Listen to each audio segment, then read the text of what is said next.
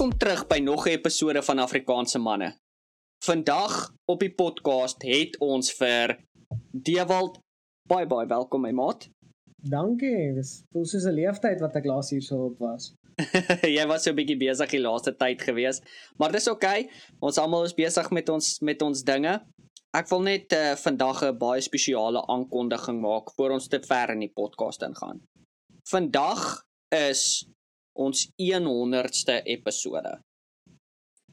En as jy vir my gesê het in episode 1 2 3 4 5 dat ons gaan legit tot by 100 kom. My vrou het eintlik 'n bet met my gemaak. Sy was soos as hierdie langer as 'n jaar aanhou sal ek impressed wees. En uh jy weet ons is amper by 2 jaar. Letterlik paar episode van nou af sal 2 jaar wees, maar ons 100ste episode. Dit ek kan net nie glo dit het so vinnig gekom nie. Dit is dit is nogals belaglik, maar ek is meer geskok dat jou vrou sou vir jou sê dat sy sal impressed wees, sy sal beïndruk wees as jy 100 as hierdie as jy hierdie vir 'n jaar doen, maar jy hardloop ultramarathon. Was dit nie genoeg nie? Dis is ah oh, hierdie ou hardloop 100 km.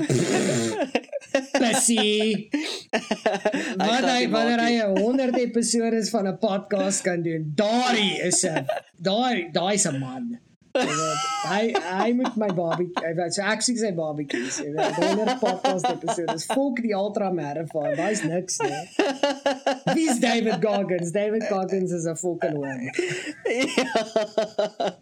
oh, yes like uh ja, um ek moet sê toe ek dit begin het toe toe was ek bietjie soos van dalk begin ek dit te vinnig. Dalk was dit een van daai, jy weet, is een van daai impulsiewe goed maar dit was, maar hier is ons. Jy weet, 100 episode later, dit is great. En ek het gedink vir ons 100ste episode gaan ons iets heeltemal anders doen. Jy weet, ons het ons 1 jaar uh, um 1 jaar hernie of wat ook al gevier op die podcast manier waar ons bietjie gepraat het oor vir vorige podcast en goed en ek weet dis wat almal gewoonlik doen, maar dis nie wat ek wou gedoen het nie. Ek wou heeltemal iets anders te gedoen het, iets wat ek nog altyd wou gedoen het en dit was om 'n boek voor te lees. uh, nie 'n boek nie, 'n kort storie. So wat ek gedoen het is so maand, bietjie meer as 'n maand terug het ek uh hierdie boek gekoop. En dis 'n compilation van kort stories van hierdie een skrywer. Alles is so almal wees net gewaarsku dit is horror stories. So dit is bietjie donker, dis bietjie morbied. Dit is uh ja, bietjie donker. So daar is 'n donker ele element tot tot die storie wat ek voorgeles wat ek gaan voorlees. Maar in elk geval, toe is ek so is yes, ek ek is geniet hierdie ou se stories so vrek baie. Ek wens ek kon dit oorlees op Afrikaanse manne. En so het die dag verbygegaan en ek was so, "Dude, hoekom nie? Hoekom kan ek nie dit doen nie?" So toe het ek hom 'n e-mail gestuur en ek was so is Jy's bra, luister, ek het jou boeke gekoop. Ek love wat jy doen. Ek dink dis vrek cool.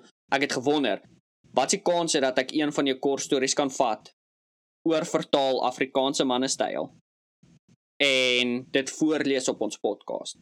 En dit was soos 'n kwessie van 'n paar ure wat ek 'n reply gekry het en dit was soos dude, absoluut doen dit. Soos dit dit klink vir hom cool. Asseblief doen dit. Dit dis awesome. So dis wat ons gedoen het. Dis ons uh, tyd gevat te oorvertaal.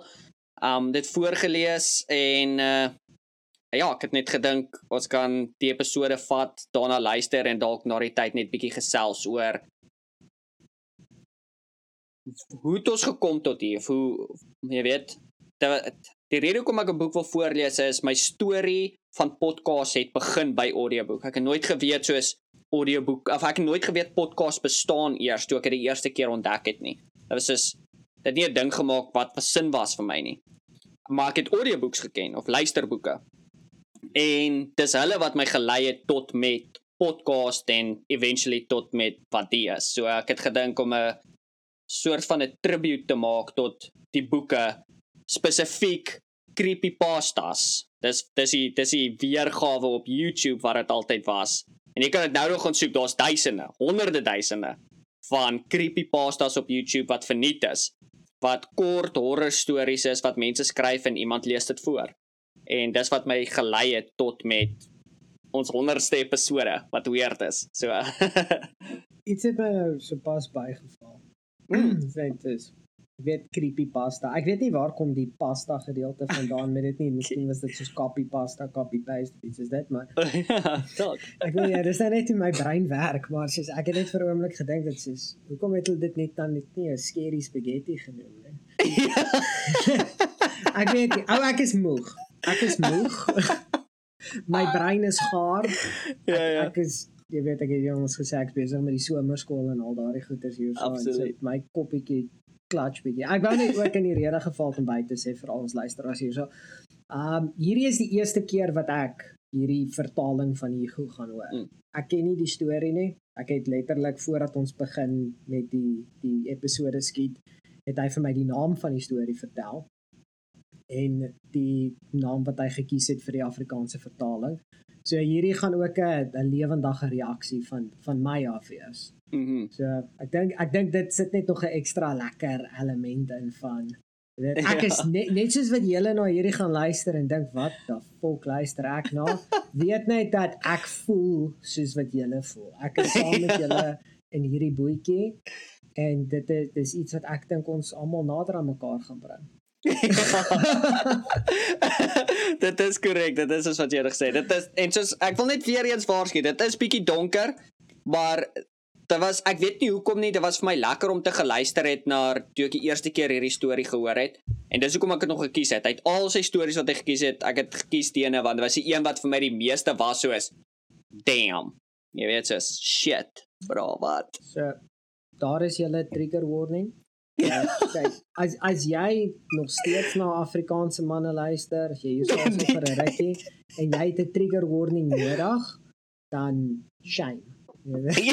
Ja. elke elke episode, jy weet, ek, om eerlik te wees, om regtig waar eerlik te wees, ek dink nie daar is 'n episode wat ek al betrokke was waar ek nie 'n trigger warning gegee het nie. So my my stem is die trigger warning. As jy as jy hoor dewel is op 'n fok, okay, wag, steek die kinders weg. Jy weet, sit jou headphones in. Maar ja, absoluut. Sê maar hoe dit is wanneer ek saam met Hugo op is. Hugo bring die ergste uit my uit. Ja, dis dis iets wat ek ook doen. Ja. so, dewel sê reg is, dan gaan ek die storie begin gooi hom. Die storie se naam is uh stel jou voor. Picture this in Engels. Stel jou voor. So. Stel jou voor. 800 000 mense word jaarliks in die Verenigde State alleen as vermis aangemeld. Jy het daai nommer korrek gehoor. Glo my nie. Google dit. 800 000 mense 'n verbuisterende 2300 mense word daagliks as vermis aangemeld. Laat ons nou duidelik wees. Baie van hierdie sake word relatief vinnig opgelos. Ek praat nie van die oplosbare lyke wat in riviere dryf of die ontbinde liggame wat eers van die Jersey Turnpike af opdaag nie. Van die 800 000 mense wat jaarliks vermis aangemeld word, is ongeveer 204 000 van hulle kinders. Die mees vermiste kinders is geneig om in een van twee kategorieë te val: weglopers wat uiteindelik veilig terugkeer huis toe en gesinsontvoerings. Die laasgenoemde gebeur wanneer 'n moeder of vader met hulle kindertjies weghardloop weens 'n huishoudelike verskil of egskeiding. Wat volwassenes betref, behels 'n groot deel van vermiste gevalle gewoonlik mense wat aan dwelm of alkoholmisbruik ly. Hierdie verslaafdes is geneig om op benders te gaan en daaraan een van hulle vriende, gesinne te verdwyn terwyl hulle hulle liggame vol drank en onwettige verdowingsmiddels pomp. 'n Verrassende hoë aantal is senior burgers wat aan demensie of Alzheimer ly. Jy sal verbaas wees hoe dikwels hulle van hulle versorgers wegdwaal en verdwaal. Gewoonlik neem dit nie baie lank vir die polisie om die gedisoriënteerde ou mense op te spoor en terug te bring na die ouer huis nie. Gegeewe hierdie feite, sien ons dat die aantal mense, beide kinders en volwassenes, wat deur vreemdelinge ontvoer word, eintlik relatief min is. Daar vind slegs ongeveer 150 van hierdie soort ontvoerings jaarliks in die Verenigde State plaas. Nou stel jou voor jy is 'n kunstenaar, 'n skilder. Jy was jou hele lewe lank lief vir kuns. Jy het 'n koffietafelboek gesien toe jy 12 jaar oud was met 'n foto van Blue Dancers van Edgar Degas en jy kon nie daarvan wegkyk nie. Jy was betower deur die kleure, die brushstrokes, die manier waarop die meisies in die skildery hulle liggame verdraai het. Vir jou het hulle nie eers soos dansers gelyk nie. Hulle was 'n weiland van morning glories wat in 'n sagte briesie geswaai het. Jy het toe en daar geweet dat jy iets so pragtig en betowerend soos daai prentjie eendag wil skep. Jy het die grootes bestudeer, Renoir, Degas, Cézanne en natuurlik Monet. Toe jy 15 geword het, het jy na skool kunsklasse by die plaaslike gemeenskap kollege begin neem. Maar jy het nooit jou passie met enigiemand gedeel nie. Nie eers jou naaste vriende of familie nie. Jy was bang vir wat hulle sou sê. Wat as hulle vir jou lag? Wat as hulle jou vertel dat jou skilderye slordig of lelik was? Wat as hulle vir jou sê dat jy nie die talent nie of dat jy nooit eendag jou eie blue dancers sal kan skep nie. So het jy jou passie weggesteek vir almal wat jy geken het. Wanneer jy klaar was met 'n stuk, het jy dit in die vullis gegooi. Want om jou kuns in 'n vullisdrom te sien was beter as die moontlikheid om te hoor hoe jou vriende daarmee spot.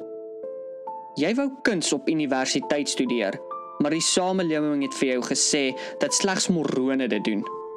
In plaas daarvan het jy gekies vir 'n ingenieursgraad. Jou ouers was gelukkig. Jy het kollege klaar gemaak en 'n werk gekry waar jy in 'n hokkie gesit het en 150 000 per jaar verdien het. Jy het elke dag, die hele dag spandeer oor hoe dit sou gewees het om elke oggend wakker te word en niks anders as verf te doen nie. Jy het probeer om trend te hou met die kuns, maar jy het nooit tyd gehad nie. Jou baas het jou gevra om naweke te werk, elke kans wat hy kon kry. En wanneer jy wel 'n sekonde vir jouself gehad het, was jy te moeg om enigiets anders te doen as om TV te kyk of die web te surf. Jy het jouself begin haat omdat jy so ruggraatloos was. Omdat jy die enigste ding wat in jou lewe laat goed voel het, nie nagestreef het nie. Jy toe in 'n depressie verval. Nou stel jou voor. 'n Estimated 1 uit 10 volwassenes ly aan depressie. Dit beteken dat daar ten minste 31 miljoen mense in die Verenigde State is wat verlore voel. Wat hopeloos voel. Wat voel dat die wêreld 'n beter plek sonder hulle sou wees. En jy? Jy was een van daardie mense. Jy het 'n masker vir jou vriende en familie gedra. Daardie deel was maklik. Jy het jou hele lewe lank jou passie vir hulle weggesteek. Jy kan jou depressie ook wegsteek. Niemand by die werk kon sien hoeveel jy seer gekry het nie. Maar as jy by die huis gekom het, het jy in 'n bed gelê en jy het gehuil. Jy het daaraan gedink om 'n hele bottel pynpille in jou keel af te gooi. Maar jy was te bang vir wat mense sou sê as jy sou oorleef. Jy het op die rand van die bad gestaan met een punt van die gordel om jou nek en die ander een aan die metaalstaaf van die stortgordyn terwyl jy aan die voor- en nadele van selfmoord dink. Jy het ure spandeer om op die internet te surf, forums te besoek, op soek na 'n manier om jouself te red. Jy het self so ver gegaan as anoniem vrae te plaas en hulp te pleit. Toe kry jy 'n stukkie raad waarin jy geglo het jy op soek was. Op Reddit van alle plekke. 'n Webwerf wat bekend is vir dom katfoto's en memes. Dit kom in die vorm van 'n opmerking in 'n post wat jy gemaak het oor selfmoord. Jy het nie die gebruikersnaam van die kommentator gesien nie. Jy was eintlik so opgewonde nadat jy die advies gelees het dat jy die venster van jou blaai gesluit het voordat jy gekyk het waar dit vandaan kom. Dit het in elk geval nie saak gemaak wie hulle in die werklike lewe was nie. Wat jou betref, is daardie woorde reguit van jou beskermsengel na jou gestuur. Dit lees as volg: Probeer om 'n kreatiewe uitlaatklep te vind. Ek het skilderkuns opgetel as 'n manier om my depressie te channel. Dit help my om as 'n fantastiese afleiding te dien. So stel jou dus voor. Jy het daardie beskermingsengel se raad geneem en daarmee gehardloop. Jy het selfmoord afgesweer en het jou ma en pa gebel en vir hulle gesê jy's lief vir hulle. Die volgende oggend het jy wakker geword en na die biblioteek gegaan waar jy die hele dag deurgebring het om oor jou gunsteling kunstenaars te lees. Die skilders wat jy jou hele lewe lank beafgod het. Vir ure het jy na foto's van hulle werke gekyk. Het dit jou weer jonk laat voel? Toe jy op jou boek afgekom met die foto van die Blue Dancers en jy was verstom, net soos daardie tyd toe jy 12 was. Dit was daardie oomblik wat jy besluit het om jou werk te bedank en jou drome te volg. Jou ma en pa was nie gelukkig nie, maar hulle het verstaan toe jy hulle van jou depressie vertel het. Hulle het altyd gedink kuns is net 'n sagte stokperdjie en het nog nooit eintlik een van jou voltooide skilderye gesien nie. Dit het al die moed geveg wat jy bymekaar kon geskraap het om vir hulle 'n stukkie te wys wat jy vir hulle voorberei het. Dit was immers vir jou meer as net 'n prentjie. Dit was jou hart, jou drome. Dit was 'n stukkie van jou siel. Dit het beter gegaan as wat jy verwag het. Die skildery het jou pa laat glimlag en het jou ma 'n traan laat knip. Aangesien jy geen werk gehad het nie, het hulle jou weer laat intrek en jou kamer in 'n ateljee verander tot jy dinge kon uitfigure. Stel jou voor. Jy het teruggedraai na die internet vir raad. Net hierdie keer was jy nie op soek na iemand om jou van 'n rand af te praat nie.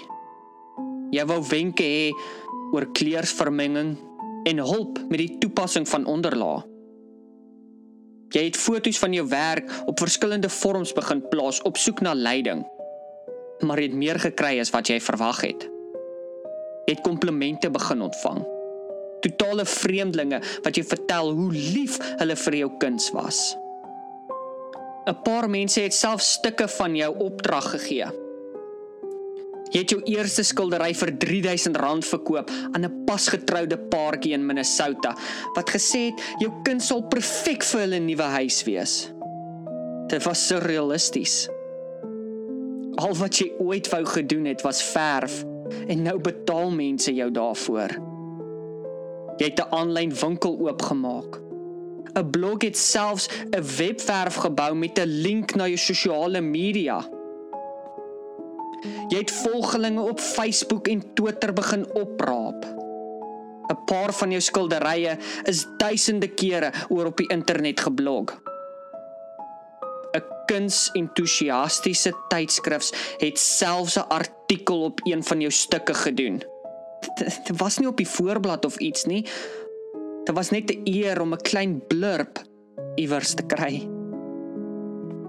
Uiteindelik het jy genoeg geld verdien om uit jou ouer huis te trek en 'n klein woonstel van jou eie te kry.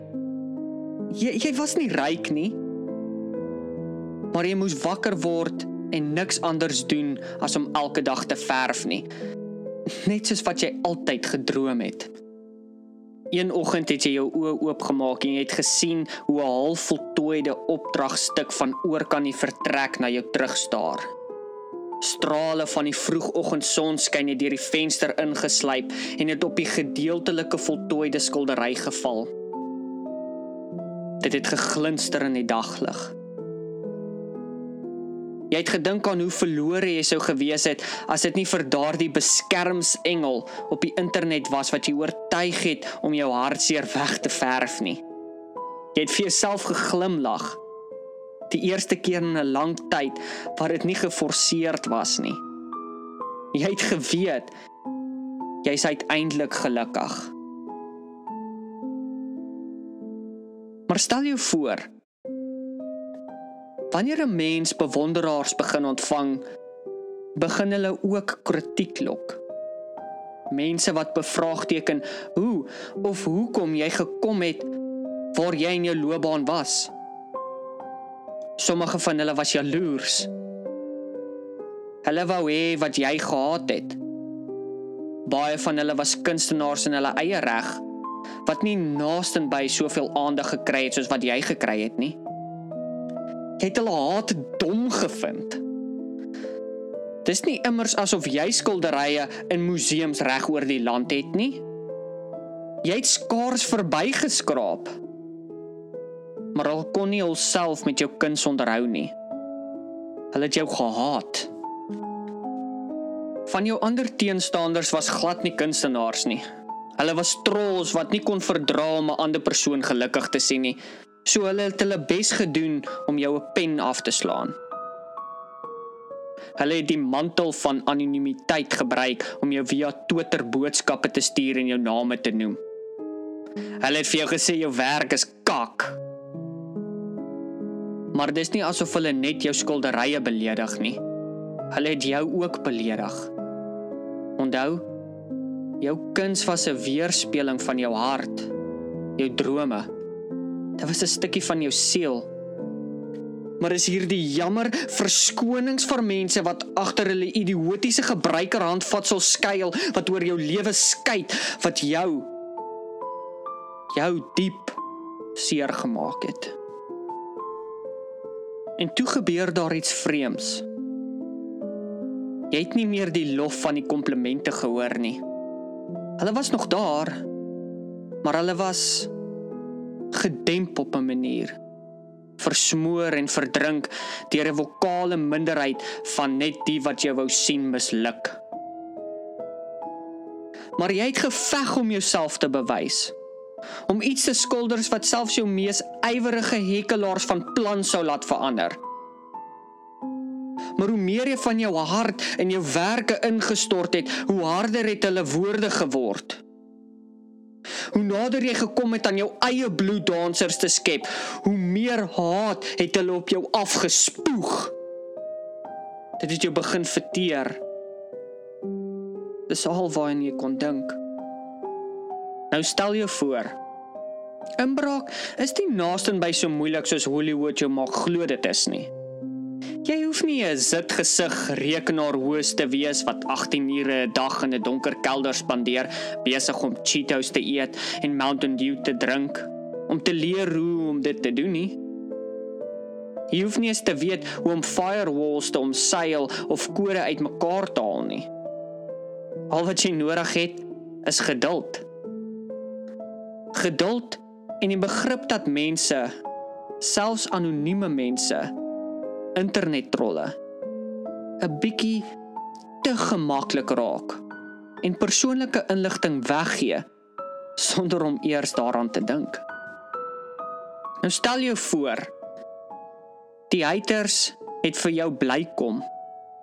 Elke keer wat jy 'n foto van jou werk geplaas het, of 'n ander uitverkoping op Facebook aangekondig het, was daar soos 'n uitslag van poesgevulde herpessere.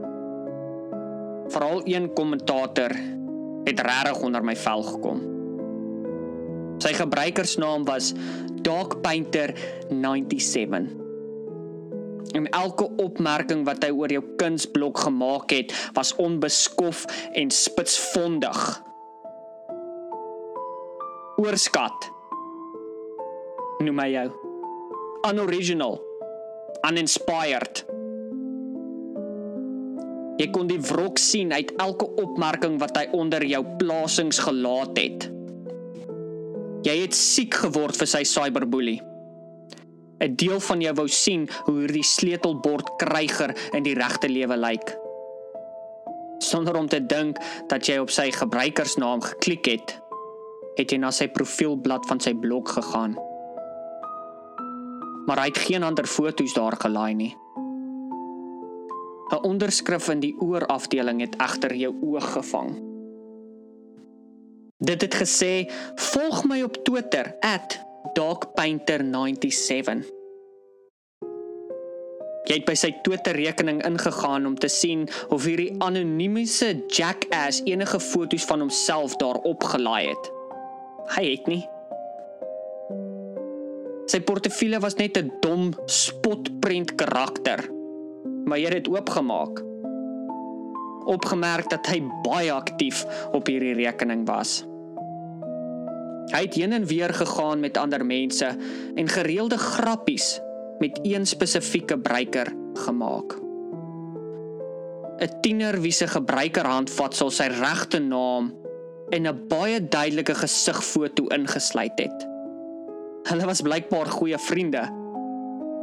Jy besef toe dat die 97 en Dog Painter 97 waarskynlik 'n verwysing is na die jaar waarin hy gebore is.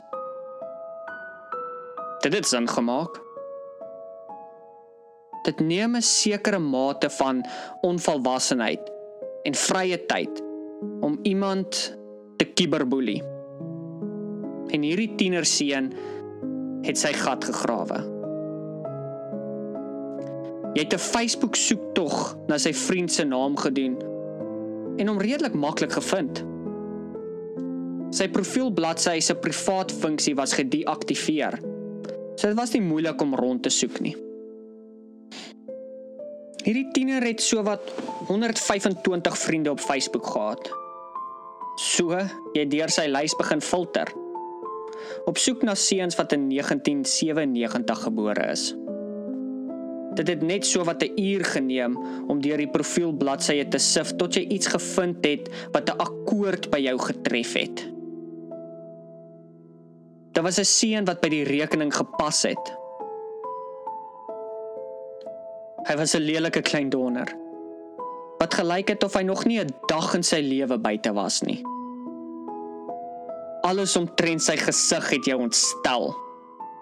Van sy fullback van 'n neus tot die paar gekamoufleerde Oakley sonbrille wat hy op sy profielfoto gedra het. Jy wou so graag sy selfvoldane glimlag stikkend slaan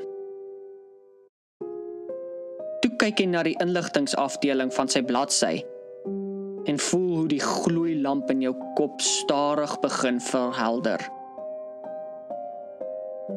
Hou van speletjies, manga skildery. OK, dis 'n check. Maar om van verf te hou, maak hom nie outomaties die skuldige nie. Verjaarsdag 26 Junie 1997 double check. En natuurlik volg my kunsblad @darkpainter97. Skak mat, bitch. Jy het hom gehaat. Jy het geweet hoe daardie onuitstaanbare drol lyk. Waar hy woon. Jy weet selfs na watter hoërskool hy gegaan het. In net minder as 'n uur en 'n half het jy alles geleer wat jy ooit van hom wou weet. Maar wat gaan jy nou met hierdie nuutvordige inligting doen? Volgens sy Facebook het hy 'n staat weggewoon. Dis 'n lang pad om uit te gaan net om iemand af te vertel. Jy het vir jou gesê dat om oor staatslyne te ry met die uitsluitlike doel om op een of ander idioot kind te skree mal was. Maar jy kon jouself nie keer nie. Dis asof iemand anders beheer oor jou liggaam geneem het voordat jy geweet het. Pas jy voor sy huis.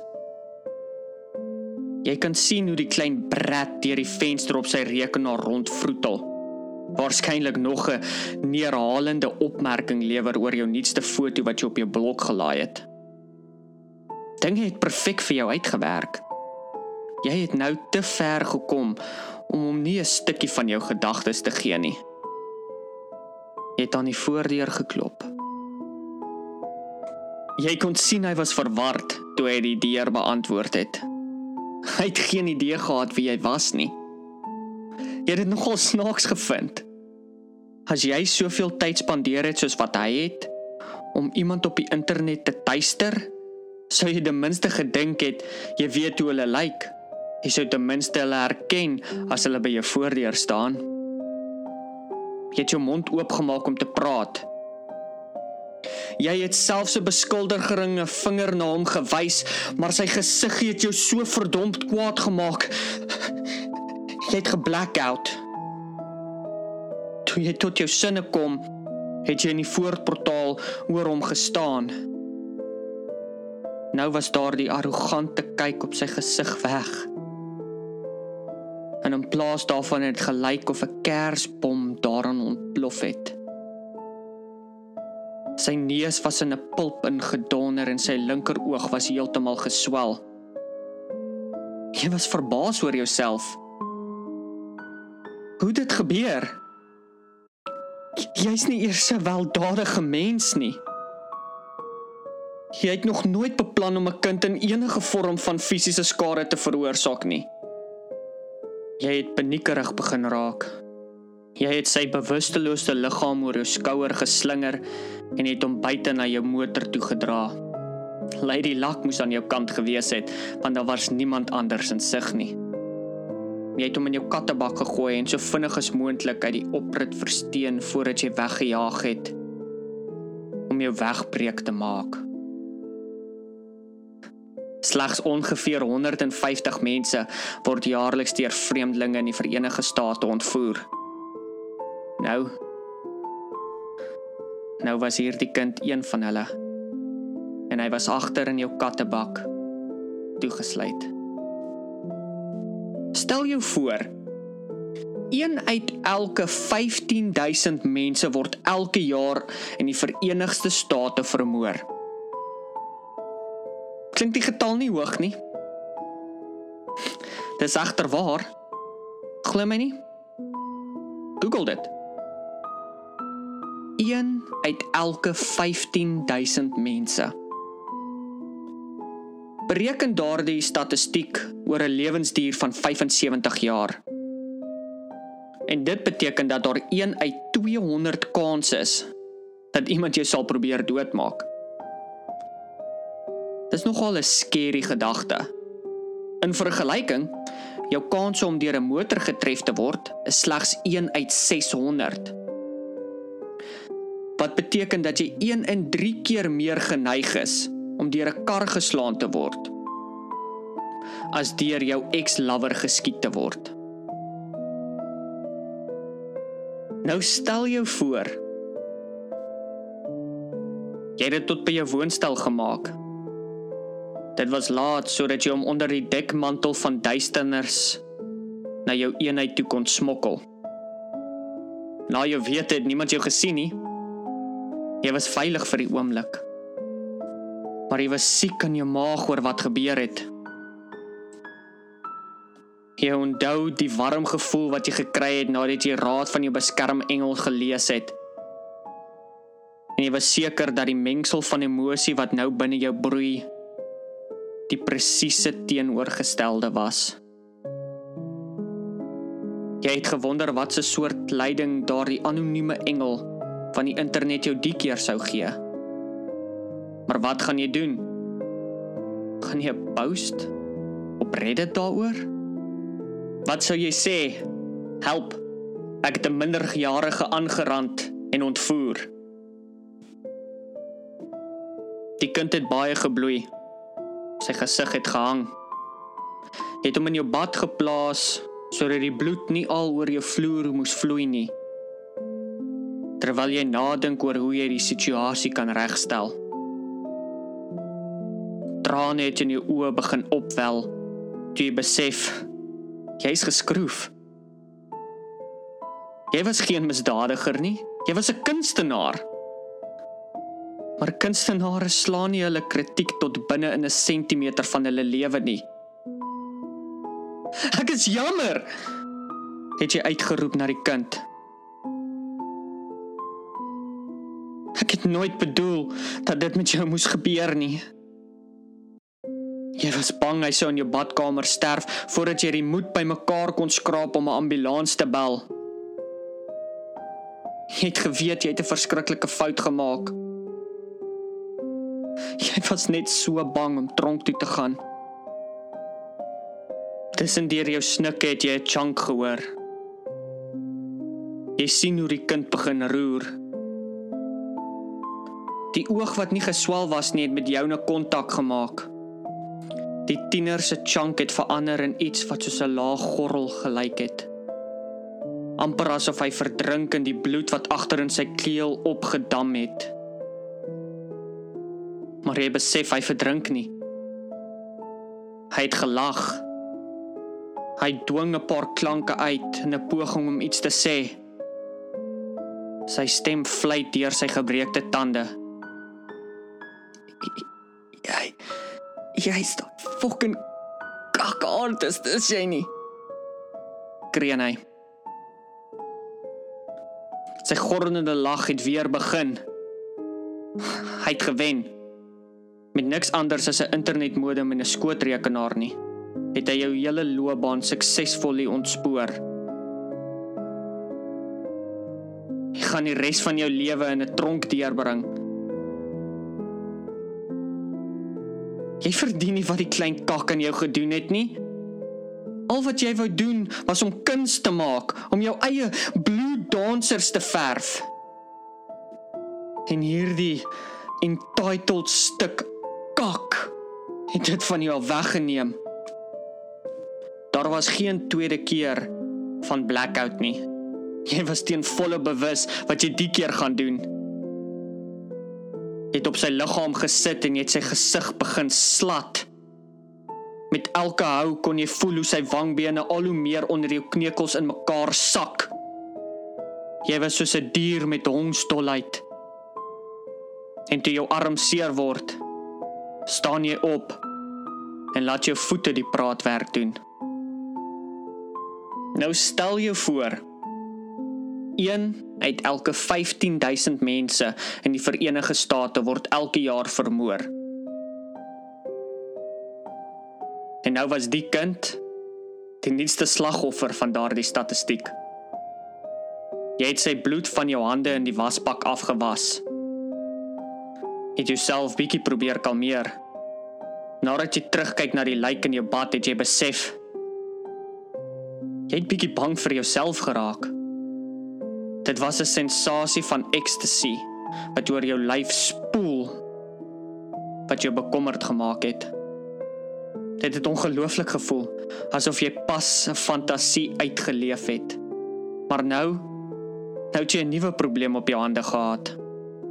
Dit het nie 'n kriminele meesterbrein gevat om te weet dat dit 'n slegte idee is om 'n kind se liggaam in jou bad te hou nie.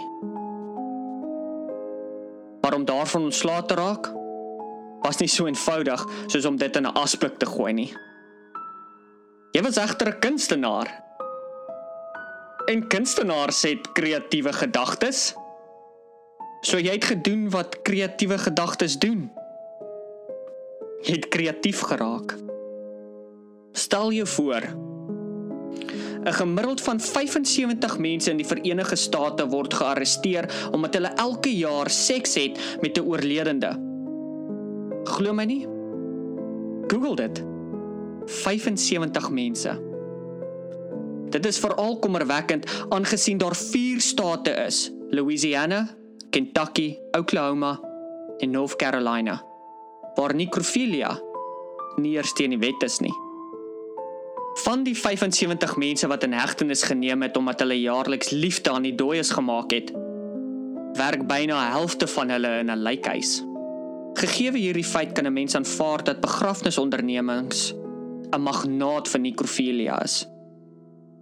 Dit maak sin as jy daaraan dink. Dit lyk immer soos die droomwerk vir iemand wat aan daardie soort fantasie smil. Nou stel jou voor, Jy het jou skootrekenaar oopgemaak en 'n bietjie gegrawe. Google is magic. Binne minute het jy 'n vorm vol freaks. 'n Uur of 2 se blaai het jy op 'n post afgekom wat jou belangstelling geprikkel het.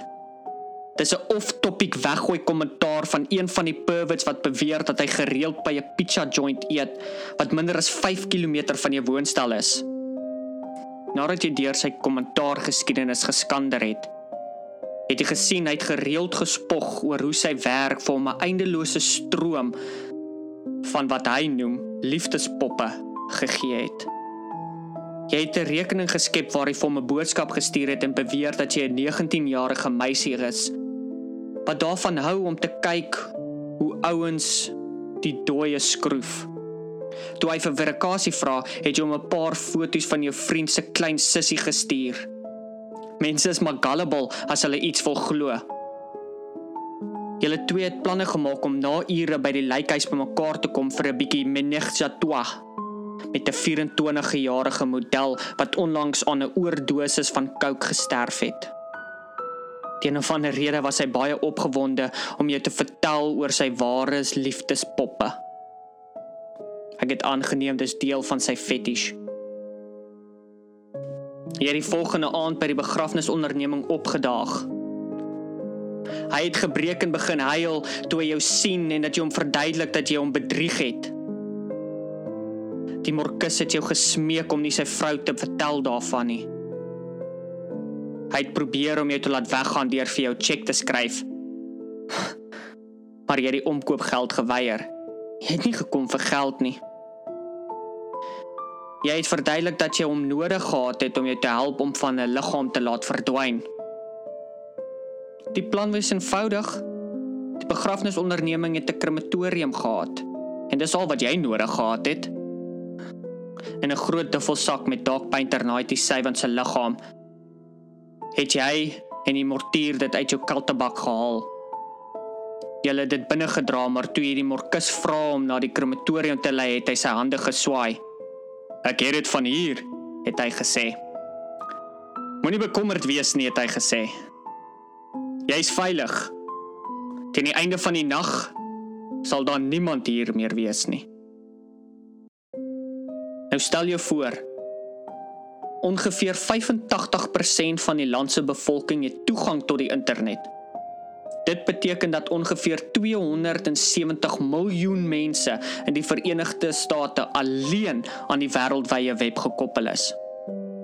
Van daardie 270 miljoen is 'n bietjie meer as die helfte op aktiewe sosiale netwerke. Netwerke soos Twitter, Facebook, Snapchat en Tinder. Jy was een van daai 135 miljoen. So wat het jy gedoen nadat jy pas met moord weggekom het? Jy het op sosiale media gespring om jouself te help vergeet van die afgelope paar dae. Die probleem is dat die beelde van Dark Painter 97 in jou gedagtes geflits het. Jou gedagtes het teruggedraai na jou beskermsengel. Jy het nie weer by daai Reddit rekening aangemeld nie, aangesien die held van die internet jou vir jou van jou depressie gered het. So dit was nie nodig nie. Tot 'n paar ure gelede het jy geglo dat jy relatief gelukkig is. Maar die dag was 'n traumatiese een. So jy het besluit om by die Superman van die kuberruim in te gaan om te sien of hy nog rondry. Soek na verlore siele om te red. So jy het by Reddit aangemeld. Jy het op die webwerf genavigeer om daai ou selfmoordpost wat jy gemaak het te vind. Dit het nogal seer gemaak toe jy weer daardeur lees. Dit het jou herinner hoe swart die wêreld destyds gelyk het. Jy het by die post afgegaan om jou beskermsengel te soek. Die een persoon op die planeet wat jou blykbaar verstaan het. Die opmerking was nog daar en jy het begin lees. Met die hoop dat jy weer iets nietig daaruit sou kon trek. Die wyse raad wat jou eens jou lewe gered het. Maar het halfpad gestop. Het iets gesien wat jou hart in jou keel laat reis het. Het vir die heel eerste keer die beskermingsengel se gebruikersnaam gelees. Dark Painter 97. En daar's dit nou. Fluit fluit my stories uit. Ja. ja. Die wat dit gemaak, die wat dit gemaak het tot die dit was 'n donker een. Dit dit was ek het ek het 'n donker grappie wat saam met dit gaan. voordat voordat ons voordat ons te diep raak in die in die analise van hierdie mens moet altyd 'n bietjie humor en goed is. Maar ek moet altyd. Jy weet Ja, ek, ja. ek ek is ek is die slegste mens om by 'n begrafnis te eerlik. Um ou ek ek jy ook nie vir jou nie, dis een van een van my mees awkwardste oomblikke wat ek al ooit ver- veroorsaak het en dit was regtig nie bedoel nie. Ja, ja. was um jy jy sal weet wie hierdie is. Ek gaan nou nie die naam noem, maar 'n goeie vriend van my het um het selfmoord gepleeg en ek was by Mhm. sy begrafnis gewees en regtig was baie lief vir sy familie en ou jy weet dit is nou die diens is verby en goeters en ek ek groet die oom en ek sê vir hom julle moet 'n lekker dag verder hê. En ou ek kyk so na hom ek sê van dit is dit is regtig nie ek sê vir jammer oom ek het dit regtig nie soos dit hy sê nee jy, jy weet wat jy's reg jy weet dit is dit is verby en ons moet probeer om 'n om 'n lekker dag verder dit, dit is net soos my fucking standard response wanneer ek vir iemand kobai sê jy weet lekker dag verder ou ek het soos ek het so so 'n groot doos gevoel dit was regtig waar ek ek het jammer gesê soos 15 keer Ja. op daardie Ja, oomblik. En die oom het daarom verstaan. Jy weet, hy het verstaan dat jy weet ek is net so geskok soos wat hy is oor dit wat alles gebeur het en nee, maar dis is jy weet ek is net so hard soos wat hy is. En, Ja, ja. Nou, nou nie so hard soos wat hy is nie. Was nie my seun gewees nie, maar was 'n Ja, ja. vriend van my gewees. En ja, yes, ou regtig ek is die kakste mens om by 'n begrafnis te hê want pok, ou, soms werk my brein nie met my nie. Dude, jy jy's nie En- alleen op daai nou nie. Want ek ook, soos ek's iemand wat altyd smile. Soos ek's altyd Nee. smile en altyd happy jou. En soos ek lag altyd. So as ek by sulke goed is, dan is dit soos dis een van daai goed wat soos okay, ek weet ek moet soos nie glimlag nie, maar as ek vir iemand kyk, dan glimlag ek. Dan sê ek soos fuck bro, wat doen jy? Stop. Moes soos doen net doen net die wit mens smile die. Ja. Ja, dis jammer dat niemand gaan die kamera sien nie, maar ja. Ek weet maar almal ken daai smile. Ja, dis daai daai awkward smile van ai. was jy iemand in Pick n Pay sien en jy jy doen net die kop knikkie. Eh, Mm. Ook al Ah. moenie met my praat nie asseblief, ek is besig om inkopies te doen. Ek sien jy nie dalk praat nie. Hi, goodbye, pas af. Maar uh, so hier is my hier is my donker grappie. Um, Right. Nadat Dark Painter 97 nou vermoor was en jy weet by die necrophiliac uitgekom het, het sy naam verander na Dead Painter 69.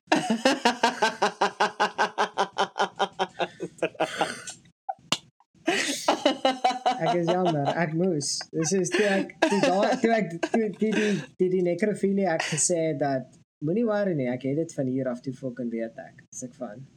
Yep. Hierdie hy gaan nie dadelik in die vuur nie. Nee, toe toe verander sy naam na Dead Lover 69. Ja. Ja. Dead, dead painter, ja, dead painter. Maar ja, dit was in elk geval, daardie was nou my disrespekvolle grappie vir oomblik. Um ek ja, jy weet, um Ja! ek weet dit, is een van daai. Dis uh, Okay. okay. daar daar's is baie. Daar's is baie om um om uit te kom of, om soos te Dis net dis 'n rowwe fucking storie, maar uh, Dit is. dis ware verhaal. I shit you not. Ek het dit een keer gedoen om iemand bang te maak. Um ons het ons het baie Counter-Strike gespeel en hierdie random fucking meisie besluit sy wil nou soos sy het, sy het my broer se naam gesien op um, uh Uh-huh. -huh. op Steam en daai tyd nou kan ek dit sê want sy naam het al verander maar daai tyd was dit average avocado geweest jy weet ons Okay. ons hele clan was soos food names geweest jy weet Okay, cool. en, maar, en dit moet alliterasie wees so die een nou was soos um seductive salmon jy weet juking jelly bean en um jy weet my my naam daai tyd was banished bagel En Okay. jy weet soos ons sê die- ons ons ons gaming clan se naam is die Fang Kong Fridge gewees. Okay, cool. Ons het League of Legends gespeel. En nou ek dink Starcraft. Okay. Nee. Nou nou volk ek rond op Counter Strike en Marcus is daar. So ons het nou net baie games saam gespeel.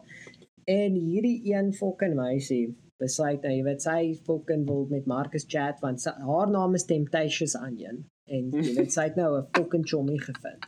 Ja. Sy join ons en sy speel saam met ons games en dom nou ek is een van daai mense as jou fucking profiel foto op 'n game 'n foto of van jouself is, Ja, ja, ja. Kak gee. Ek gaan vir jou sê is stupid. Want dit is gevaarlik. Dis een ding Ja. as jy ek is wat 'n fucking lelike 28 ek weet soms vergeet ek hoe oud ek is. Ek dink ek's 28, ek dink ek's 29. Een van die twee. Ja, ja. Maar jy weet as jy 'n lelike fucking middeljarige man is, sure, maak dit jou profiel foto, jy weet. Jy weet, Ja, ja. niemand, niemand gaan my stalk nie. Jy weet. Ja, ja. Kom wees eerlik. En as jy doen, shame. As jy dit nie moeite gaan om iemand te staak, gaan gaan kry Stop iemand beter om te staak. jy weet. Ek ek bring niks op die tafel nie. Ek kom huis toe, ek sê ek gaan lê op my bed, ek fucking tos rond op my foon en ek gaan slaap. Okay, so daar's is my roetine. Ek oefen nie eers nie. Jy gaan eers 'n show kry nie. Staak vir die Hy hy draf elke dag in woude alleen. So goeie goeie teiken, goeie teiken. In die woude ek se doen. woude. Dan gaan ek soos my AirPods met uithaal om ek hardloop hou.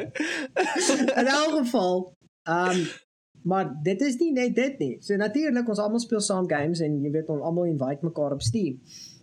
En ek sê vir Rex van hoorie so jy, jy besef dat jy jou fucking naam op jou Steam Mm. profiel, né? Nee.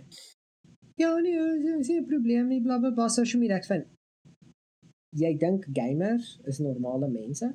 Nee. Jy dink dit is slim. Ek sê vir haar gee my fucking 5 minute ek gaan jou Facebook vind. 5 minute. Want sy het 'n foto van haarself op haar fucking dinge soos gehad. Sy's van regtig, jy kon dit gevind. Ek van wel, hier's so 'n link na jou Facebook toe. Ek ek ken jou nie. Ek het jou se pas ontmoet. Ek het jou Facebook gevind. Soos al daai kak af. Ja, ja. Dis nou, ten minste los jou profile picture op maar al jou fucking naam en van van jou Facebook af. Ag man van nie van jou van jou Steam profiel af. Gamers is weird mense. Baie. Dit's almal. Sê die gamer, maar ja, nee dit dit dit, dit is dit is hoe maklik dit is om iemand se se inligting te kry. Dit En- is ridiculous. En nou met Google se nuwe, ek weet nie of jy soos ek weet dit is al lank uit daai reverse image search, maar soos dis nou soos Mm. fucking goed. Ja. Soos nou soos legit. Soos in die verlede het jy soos 'n foto van jouself opgesit en dan soos vind Google jou soos lookalikes. Nou soos vind hy jou foto en hy sê, "O, dis Hugo Swanepoel." Fucking blah blah Ja. blah. This is scary. It's just what? ja, nee, ek is regtig waar um, dis Ag ek is 'n paranoid mens oor die algemeen. Ek erken Ja, ja. dit. Jy weet ek's die paranoid parent. Ek's 'n fucking Suid-Afrikaner. Ek glo daar's soos altyd iemand wat my probeer in die rug naai. Jy weet. ja, ja, ja. Ek, op enige gegeewe oomblik is daar iemand wat my wil gebruik op, as 'n stepping stone. Jy weet en dit ja. dit is hoe ek die lewe hanteer. En mense het al vir my kak gegee daaroor en ek sê net vir hulle as jy groot geword het, waar Mhm. ek groot geword het, sou jy ook fucking glo dat iemand is altyd uit om jou te kry. Maar nie net dit nie. Jy weet, ek was die eerste een wat onder die bus gegooi was wanneer die kak gespat het wanneer ek kak aangejaag het by die skool. Mm, Okay? Want ek is die een wat nie fucking rugby gespeel het nie. ja, ja, ja. Daar is altyd iemand en ek is die een wat fucking boom wel ek het nooit boom verkoop nie. Ek het net geweet waar om boom te kry en ek het vir Ja, al die ja. fucking rugby spelers gehelp om boom te kry. En ek was te dom geweest om geld te maak uit dit uit. Boos. Wat ek wou vriende gehad het. Ek moes hulle geld gevat het. Fok die vriendskap. Die vriendskap tel nie.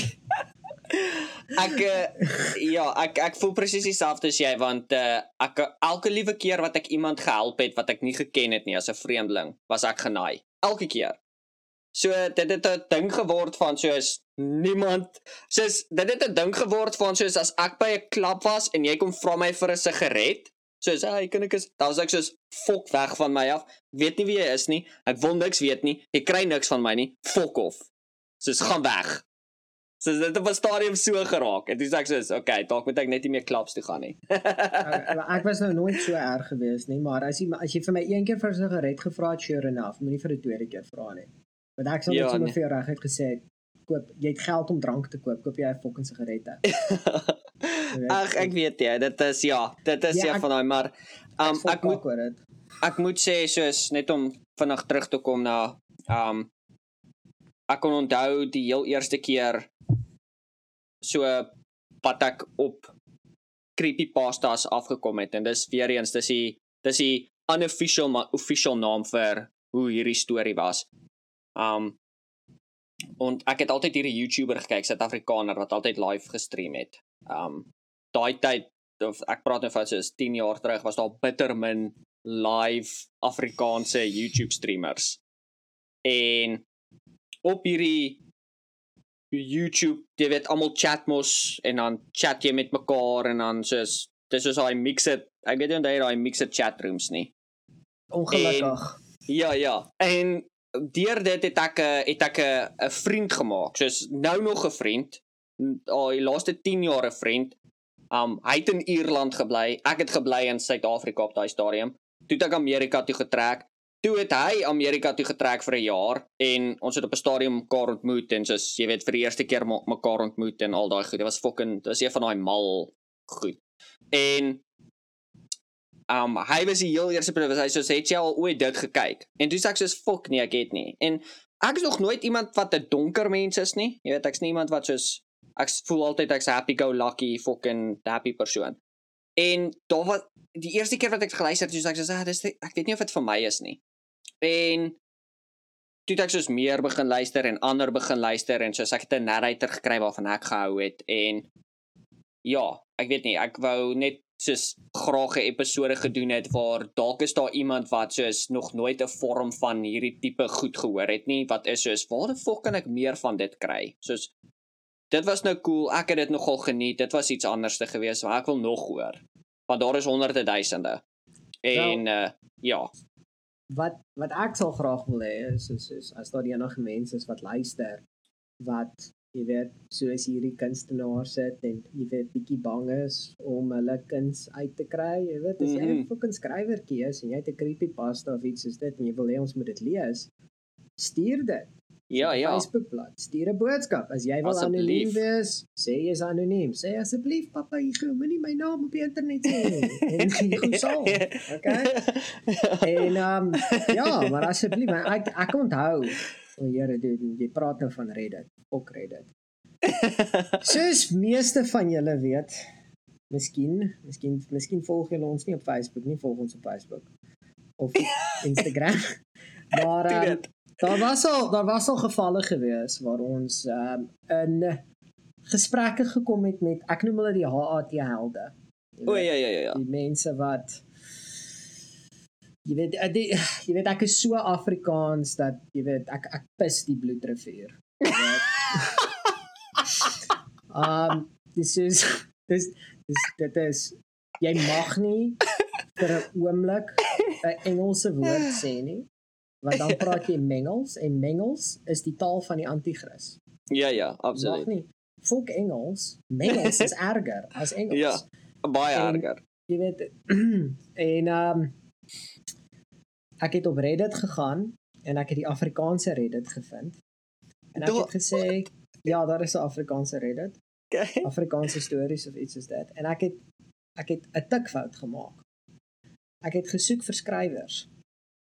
En lyk like my, ek het skrywers verkeerd gespel. Nou neem net hierdie asseblief in ag. Daar is nie Afrikaanse fucking autocorrect op my foon of op my rekenaar nie. Weet Grammarly doen ook nie Afrikaans nie. My Engelse spelling is net so kak soos wat my Afrikaanse spelling is, behalwe ek het Grammarly wat my uithelp. So ek het 'n fout gemaak. Ek het 'n tikfout gemaak. En uh, al wat ek wou geweet het is daar enige jy weet creepypasta Afrikaanse skrywers en ek en Hugo het lank terug al gepraat oor ja ja. Ons wil 'n creepypasta in Afrikaans vind.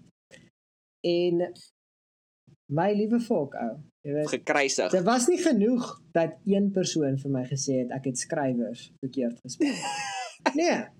Ek kry notifications hier op my foon dat dit blerry goed gaan. En ek dink, Jesus, hierso is baie fucking Afrikaanse skrywers wat met hulle stories wil deel. Nee. Awesome. Nee. Nee, daar was net 'n klomp Dark Painter 97s wat vir my se misspelling is kak.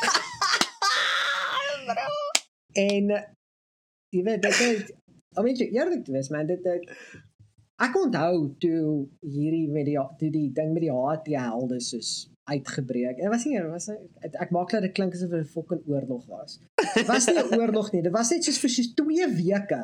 Mm. Was het ons het ons podcast dit het gereeld verskyn op 90 jarige mense se Facebook.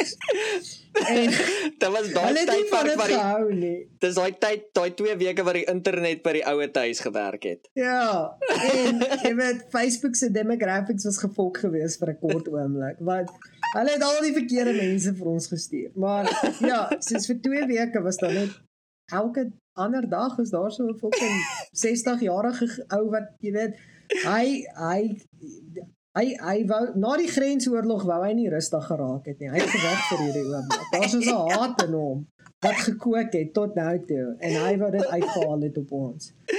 Ja, Afrikaanse manne, meer soos Mengelse manne. O, oh, dis vieslike taal, bla bla bla. Hierdie ouetjies vloek. Ek sê ons het nie gesê fucking teens Jordaan en vriende nie. Jy weet, rest in peace teens Jordaan. Ek's mal oor jou, maar ons het nie sê Steve Hofmeyer en Chommies nie. So, dit is hierdie is hierdie is hoe jong Afrikaners praat, ongelukkig. En nie van ons weet om te spel nie, want dit is Ek blameer vir julle. Julle was ons onderwysers geweest. Uh kry nou nog as ek post maak, dan kry ek soos mense wat vir my stuur soos dis dis hoe jy daai woord korrek spel. Dan sê ek soos fuck, sorry bro, sis. Daai is net een foutjie. Sorry. Okay. Miskien miskien miskien in jou dialek. Miskien in jou dialek. Ek Ja. praat 'n ander Afrikaans as jy. Ek is am Ameri Afri Ek is Afrikaans Amerikaans. Daai daai is 'n grappie wat nie vlieg hier so nie. ek wil ja, ek wil ook sê dat uh, as gevolg van Mixit, ek blameer Mixit, my Mixit taal kom nog sterk van my voor. Jy weet, dis hoekom my spelling so is. Ja, mix it, mix it het dinge definitief rof gemaak, ou, maar ja, soos mix it. O, Jesus, kyk net want hierdie hierdie storie laat my het my nog vir welke rede ook baie aan mix it laat dink. ja, ja. Veral met die skilder gedeelte. Ek weet nie of jy kan onthou nie, daarso was hierdie drie chatbots wat jy kon meer gepraat het. Mhm. En een van hulle se naam was Foo gewees. En Foo was 'n skitsofreniek. En natuurlik is dit nou maar net soos jy stuur 'n boodskap en dan stuur hy vir jou nog 'n kak terug. Ja, ja, Ou ja. en jy weet ek betaal my 200 moola, my 2 randjies om met hierdie fucking Foo te praat. En ek stuur vir hom 'n boodskap wat ek was van Jesus, AI, hierdie is cool shit. AI. Mixit was voor hulle tyd. Oh, maar ek dink ek gaan fucking 'n gesprek voer met hierdie AI bra. Ja. Hy stuur vir my terug. Ek sal nooit vergeet nie, want ek was 11 gewees en hier het my bang gemaak. You're pretty as a picture. We would love to hang you. Ek was sê van fuck that silly. Ek wil net vat my 2 rand. 2 rand was baie geld gewees vir 'n 11 jarige. Vat my 2 rand, druk dit in jou gat op. Ek wil nooit weer met Foo praat nie. Fuck vir Foo. Hy was 'n pakkie Simba chips ou hy spaar. Ja, ek dink teen daai tyd was dit al 2 rand 20 gewees. Maar ja, nee, jy's maar ja, Reddit is 'n cesspool en ja, daar is 'n subreddit vir alles. Daar is 'n Afrikaanse Reddit en ehm um, dit was soos ek weet nie mense sal tent nie en erns my ehm um, Post. post daarso op kan vind. Ongelukkig ek gaan daai post gaan delete want ek het sopas besef daai selfde advies wat ek gegee het van moenie jou naam of enige sosiale me- hier jy gaan hierdie moet uitedit. Daar is 'n rede hoekom my naam op my Reddit is. Daar is 'n rede. Daar is 'n rede. Ek was nie stupid nie. Nou is ek stupid. Ek gaan my hele begin Reddit moet delete nou hierdie episode. Want ek het mos 'n YouTube channel. En ek wou Reddit gebruik het om my YouTube channel te promote en ek het my naam opgesit om authenticity te gee. Ja, ja, ja, ja. Die ironie van die saak is as jy vandag my YouTube channel vind, sal jy nie weet dis ek nie. Dat my YouTube channel is 'n fucking animated karaktertjie wat wat Engelse klasse gee. En nêrens sê dit my naam nie. Dis So- Mr. D. Ek gaan nou, ek gaan nou, nou op hierdie podcast. Ek gaan my fucking Reddit deactivate en ek gaan 'n nuwe Reddit oopmaak. En dit is nou maar net een van daai dinge. Ah, bro, ek want is ek, dood. het, ek moet my naam verander. That is so Watch. fucking amazing. Yes, delete. Daar sê. Oh, ek moet my uh, Wat's my username en password? Is dit dit die walt?